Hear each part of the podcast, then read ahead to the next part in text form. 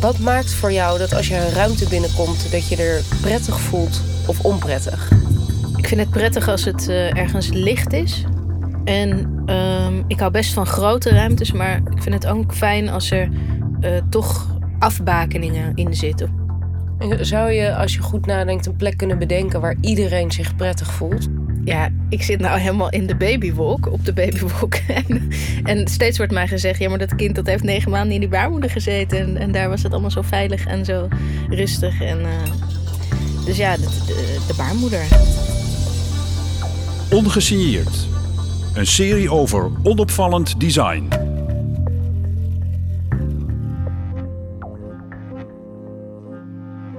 Of het nou klopt of niet. Wie aan de psychiatrie denkt, krijgt onwillekeurig negatieve beelden op zijn netvlies. De elektroshock, de dwangbuis en niet in de laatste plaats de isoleercel.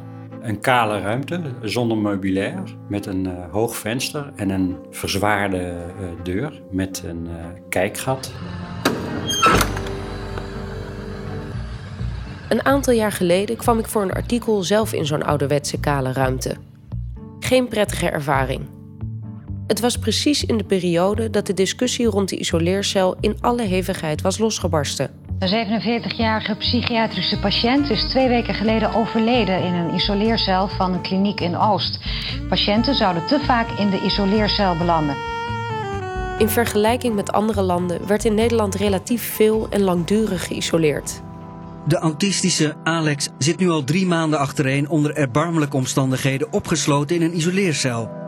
En hoe sneller de isoleercel is verdwenen en dwang en drang wordt teruggedrongen, hoe beter dat is. Het algemene beleid sinds 2008 is dus minder isoleercellen en het liefst helemaal geen eenzame opsluiting meer. Maar wat is het alternatief voor de inrichtingen? Op internet kwam ik een berichtje tegen met de kop Isoleercel maakt plaats voor intelligent menselijk landschap van ontwerpbureau DDoc.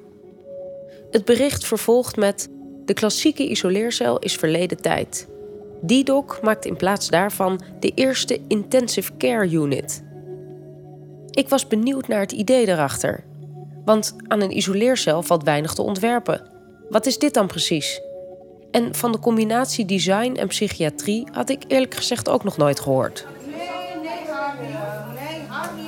Op naar Mentrum Rijgersbos, de plek waar Didok te werk is gegaan. Als je ergens binnenkomt, dan voel je, je ziet, je ervaart. En volgens mij daar gaat het om. De eerste vijf minuten van wat gebeurt er nou met jou? Wat gebeurt er als je ergens binnenkomt? Voel je je dan welkom? Dit is manager bedrijfsvoering Marjan Holla. Ze heeft dagelijks te maken met een van de zwaarste patiëntengroepen. Of cliëntengroepen, zoals we nu moeten zeggen.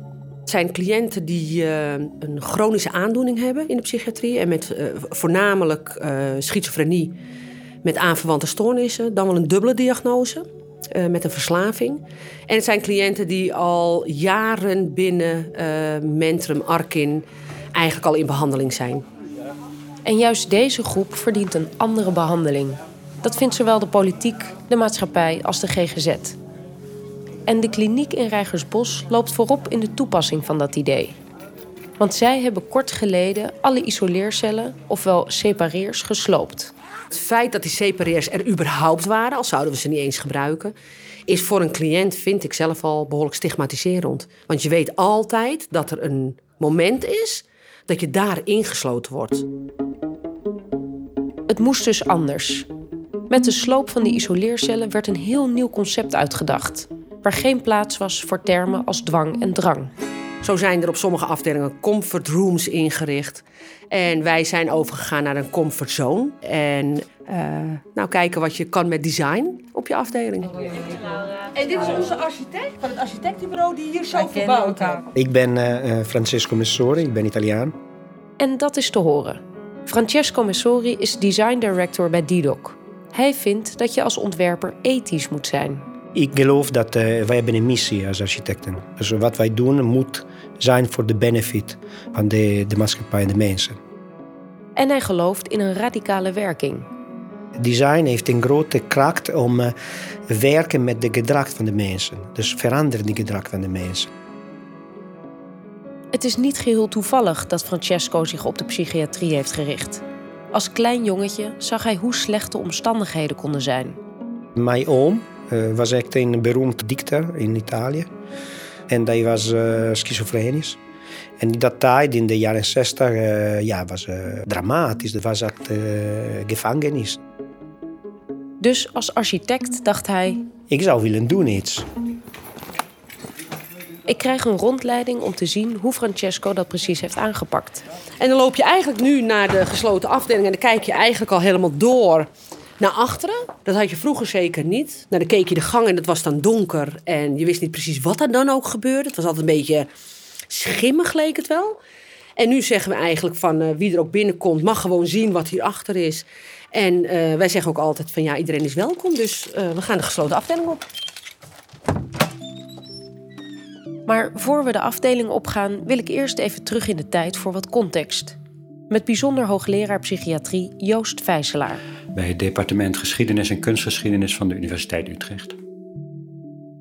Want hoe revolutionair de nieuwe comfortzone in Rijgersbos ook mag klinken, de isoleercel, geloof het of niet, was dat in de 19e eeuw ook. Je ziet dan dat, dat in Nederland, in, uh, juist in Noord-Holland, als eerste wordt geïntroduceerd, buiten Engeland.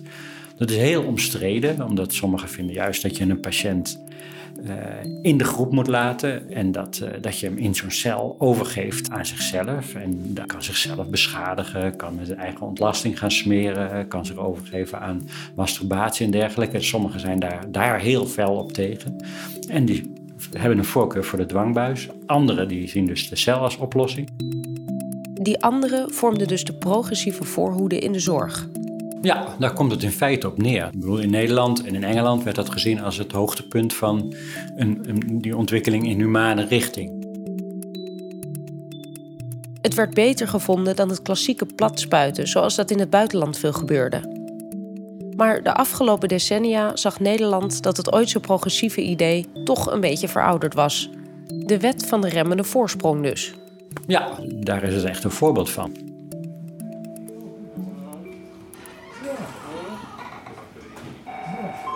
Terug naar Rijgersbos, waar we een ruimte betreden die doet denken aan de VIP-lounge van een goede vliegtuigmaatschappij.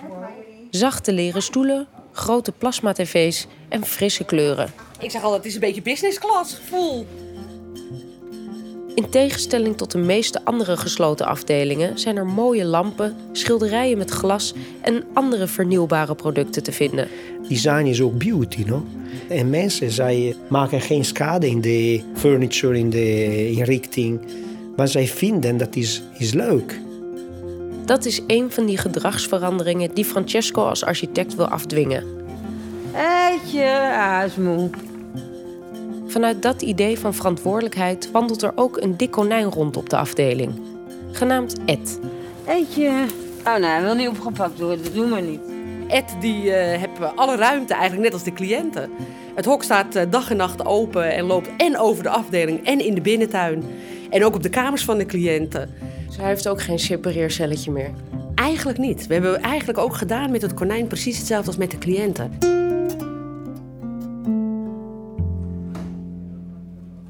Vinden de patiënten er zelf eigenlijk van? Ik vraag het de vrouw die net nog naastig op zoek was naar Ed. Ik moet er nog steeds van bij komen. Ik weet niet wat me overkomt, al die luxe. Voor mij is het luxe. Ze zit hier al langere tijd en weet nog goed hoe het was voor alle veranderingen. Je werd opgenomen, dat wist je ook. Dus je ging steeds gekker doen. Het interesseerde me echt helemaal meer. Ik heb bij elkaar geloof ik een half jaar tot bijna een jaar in de separeer gezeten. Dat is echt een moeilijk geval. Ik ben nog steeds een moeilijk geval. Maar goed, uh, ja. Als jij zo lang afgesloten zit van de buitenwereld, word je vanzelf wel maf.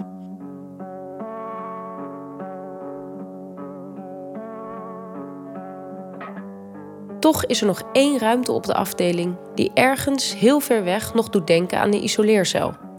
Separeer is vervangen door een uh, aparte ruimte waar in een kokon waar een radio is en waar je kan terugtrekken en waar tegen verpleging kan zeggen: kom er even bij, ik moet je verspreken of weet ik veel wat. Het grote verschil is alleen dat de kokon, zoals de ruimte genoemd wordt, niet afgesloten kan worden. Francesco wilde met dit ontwerp het idee van isolatie omdraaien. Waarom moet separatie per se negatief zijn? En wat als je zo'n ruimte juist heel aangenaam maakt? Wat gebeurt als wij uh, ontwerpen deze gebied als de beste, de, most, de meest gezellige plek in de gebouw, in uh, Cocoon, de baarmoeder. Uh, maar ook bijvoorbeeld met een uitzicht. De isoleercel als veilige baarmoeder. Ik had het niet kunnen bedenken. Marjan Holla doet er nog een enthousiast schepje bovenop. Het is een prachtig uh, loungebed. Er liggen heerlijke pleten in allerlei soorten kleuren die je kan pakken. Je kan je eigen muziek kan je opzetten. Je krijgt een afstandsbediening. En dan kan je kleurtjes uh, in de ruimte kan je aanzetten. mag ik hier ook in? Francesco wilde ervoor zorgen dat niets in de ruimte op een klassieke isoleer zou lijken. Hij stond er bijvoorbeeld ook op dat er geen draaiende deuren zouden komen, maar schuifdeuren. En schuifdeuren heeft een compleet ander gevoel eh, dan een draaiende deur.